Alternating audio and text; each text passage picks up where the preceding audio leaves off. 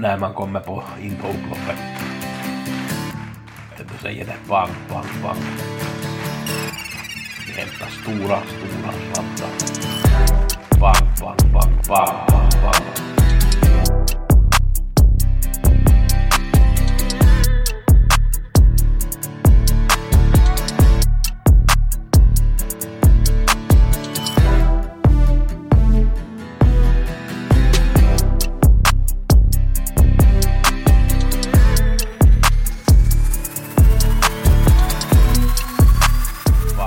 Vi har Gusse med veckopodden, gör den på måndag eftermiddagen.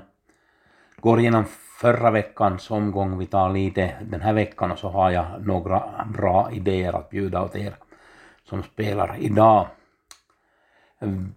Axevalla var det förra tisdagen, bästa spiken Judge D leverera. Den var ju förstås stor favorit, 6 gav 3600.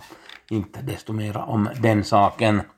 På onsdag var det V86, det blev väldigt svårt, det var ingen som hade åtta rätt. Sju rätt gav 28 000 och sexan gav 1100. Vi har en jackpot på onsdag på 15 miljoner. Ja, denna vecka har jag tips till onsdag och lördag på V75 Romme.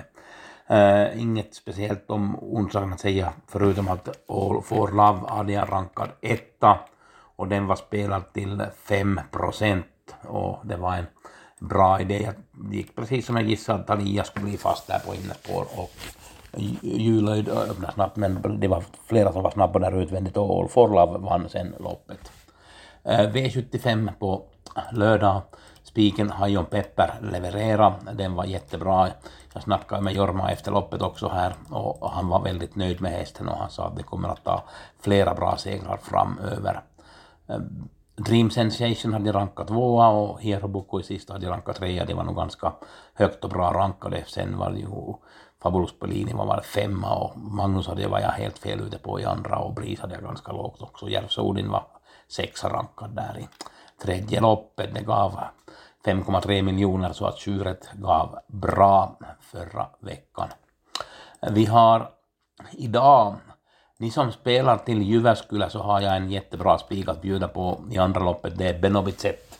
Det är klart det är lite omsättning, det blir väl inte så högt omsättning, men nu har ni möjligheten, ni som lyssnar på det här, att, att verkligen ta bra betalt. Den står i 16 procent i Sverige och i Finland så är den här 30 procent. Den mötte Örvzet senast, var tvåa i mål och, och eh, nu eh, är det fyra Ingesson och fem Pika Pika Oak som tycks vara spelat över 30 procent. Det är helt fel. Benobicet kan ni spika i andra loppet. Vill ni ha en riktig dundersmäll så i tredje loppet, nummer ett, Kotorinnan Topi med Veli Nurminen.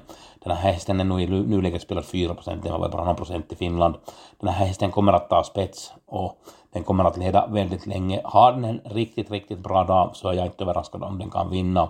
Eh, platsspel kanske väl lite mera, ska vi säga, bra spel också på den är väl lite mera sannolikt, men om man gör en V4 så ska man inte missa på den om man har en bra spik och vill gardera det här loppet så kan det ta nummer ett i ja, tredje loppet på Jyväskylä.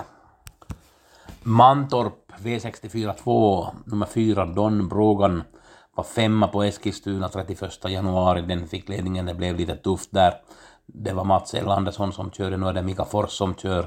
Den här hästen är snabb ut, jag tror Mika har lite mera respekt för sig och det kan ju vara att till 5-6 procent så kan han till och med vinna det här loppet. Jag vet ju att Jorma är stor favorit med nummer 7, Basis Loaded, men om man nu börjar gardera så då tycker jag att den här fyra Donbrogan är ett intressant motbud i andra loppet. Det var vad jag hade att bjuda på till Mantorp. Onsdag V86 på Solvalla lopp 2 ser intressant ut. Här har vi bland annat Carrotty spår 2, Black Mission spår 3, Airspace 4, Holy Ground 6, El Jetback i första starten för i år 18 procent, Jackis Black som har varit kanon 18-19 procent spår 8 och Kalle Taxan på 10 där. Det här är ett väldigt intressant lopp, det är förstås intressant att se hur pass bra Jetback är i första starten för i år. Och det är som sagt jackpot på onsdag. Det här var nog som mest hade fastnat mig in. Och, och eh, klart att det blir intressant att se fjärde loppet också där.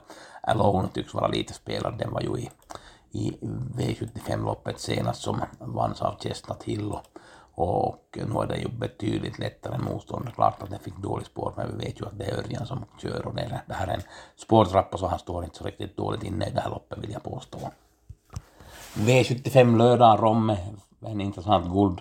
Guld fick vi. Ettan Clickbait, tre Chapuis, fyra Seismic Wave, fem Supernice, sex Folk Dream, sju Dark Roaster bland annat blir ju en intressant spetsstrid. Både Clickbait och Chapuis är snabba ut och vad kan Seismic Wave göra och vad kan Four Guys Dream göra i det här loppet.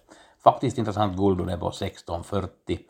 Så har vi kallblodsloppet som är fjärde loppet på 21.40 på två volter. Vi har 10 där framme och fem hästar där bak. Där det är bland annat Almrandert som har fått spår 5. Kavaleren har spår 7. Gulifrodo har spår 8, Soldhöjden Drake har 20 tillägg, Teknojärven som har två galopper i rad har 20 tillägg. Uppgårdsdrängen med Mats Ljuse gör första starten för i år och Björli Fanner har fått 20 tillägg. Den skulle stå ganska dåligt inne i det här loppet faktiskt, men klart att Björli Fanner har ju varit vissa gånger väldigt bra. Intressant kallblodslopp blir det i alla fall. Och vi har en bra omgång på Romme. Jag tycker att det var svårt att hitta någon sån där riktigt bra spik som det lyste rakt ut när man kollar på de här loppen, men det blir att analysera den här veckan. Det här var allt vad jag hade att bjuda på. Lycka till på spelet den här veckan. Kom ihåg, veckans paket innehåller V86 på onsdag och V75 på lördag.